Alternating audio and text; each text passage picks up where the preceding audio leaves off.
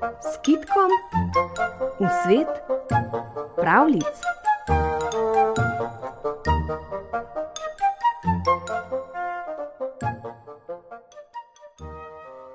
Daleč od tode živi mož, ki je bil poštenjak, kakršnega zemlja dotlej še ni nosila. Nekega dne, ko se je poštenjak zjutraj zbudil in stopil na prag, je opazil, da se iz pobočja gore sukljajo proti nebu trije prameni modrigastega dima. Le kaj bi to bilo? Je pomislil in se nemudoma odpravil v tisto smer. A čim bolj se je bližal skrivnostnemu kraju, tem bolj se je dim oddaljeval, dokler ni popolnoma izginil. Poštenjak je menil, da je bil to samo privid, zato se je vrnil domov. Ko se je to ponovilo tudi tretji dan, je sklenil priti stvari do dna, pa čeprav bi moral hoditi po gorah ves dolgi dan. Oboje gorske opanke, spletene iz slame, dal celo nekaj hrane, na ramo pa si je zadev motiko. Tokrat je brez težav našel kraj, odkudar se je dvigal dim in začel pri priči kopati. Zemlja je bila trda, zato je kopal le s težavo. Od napora mu je pot krlil po licih, še obrisati ga ni utegnil. Ko je bila jama že precej globoka, je začutil, kako je motika ob nekaj zadela, da je kar zazvenilo. Z rokama je odstranil glino in našel strlonec pokrit železno pokrovko. Hotel jo je sneti, a je bila kot prilepljena. Predvsej časa je garal, preden se mu je posrečilo prizdigniti. Vendar se je splačalo, lonec je bil poln zlatnikov.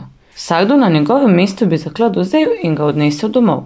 A poštenjak ne bi bil poštenjak, če ne bi začel premišljati, odkot se je ravno tukaj vzelo toliko denarja in čigav je. Ker so bili zlatniki skriti v zemlji, je menil, da jih je nekomu poslal zemljski bog sreče in dal znamenje s tremi dimnimi prameni. Da bi bil to jaz, ga je obšlo. Ko je tako premišljeval, so se mu začele v podanski vročini zapirati oči. Kot bi mignil je zaspal in sanjalo se mu je, da se na noč zgoraj usipa drž zlatnikov. Ko se je zbudil, je trajalo nekaj časa, preden se je spomnil, kje pravzaprav je in kaj se je zgodilo. Šele v pogledu na lol nad zakladom si je vse skupaj priklical v spomin. Končno vem, kako in kaj se je razveselil. V sanjah mi je vendar stresel denar od zgoraj nebeški bog sreče, nihče drug ni mogel biti kot on. Zato je jasno, kot beli dan, da zaklad izkopani zemlje ni moj. Tega je tja skril zemljski bog sreče za nekoga drugega. To je jasno. Se je udaril poštenjak po čelu in sklenil, da bo zlatnike pustil tam, kjer jih je našel. Zakopal je lonec spet v zemljo in se vrnil domov.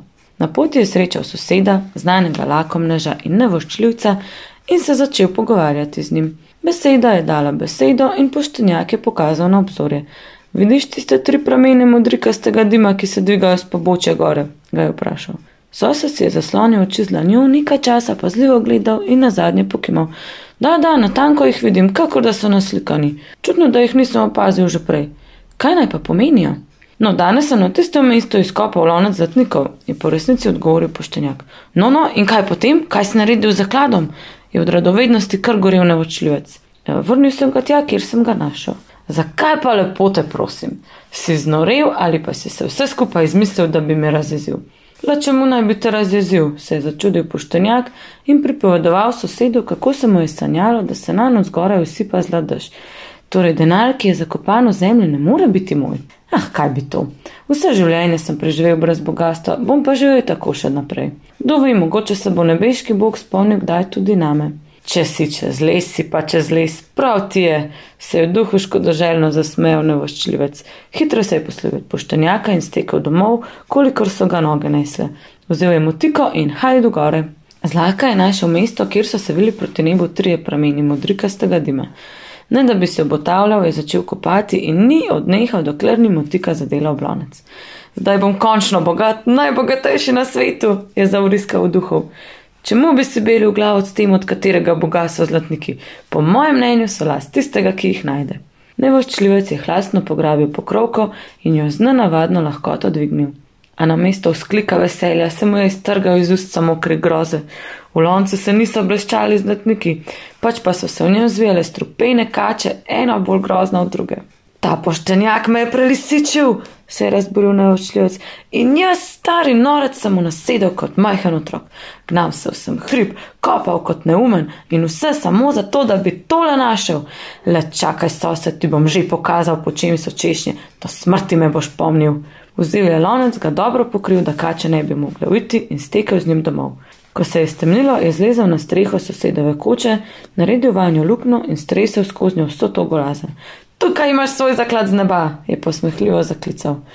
Poštenjak je to slišal in pogledal gor. In res, skozi odprtino v strehu so se mu usuli na glavo zlatniki, v katere so se spremenile strupene kače.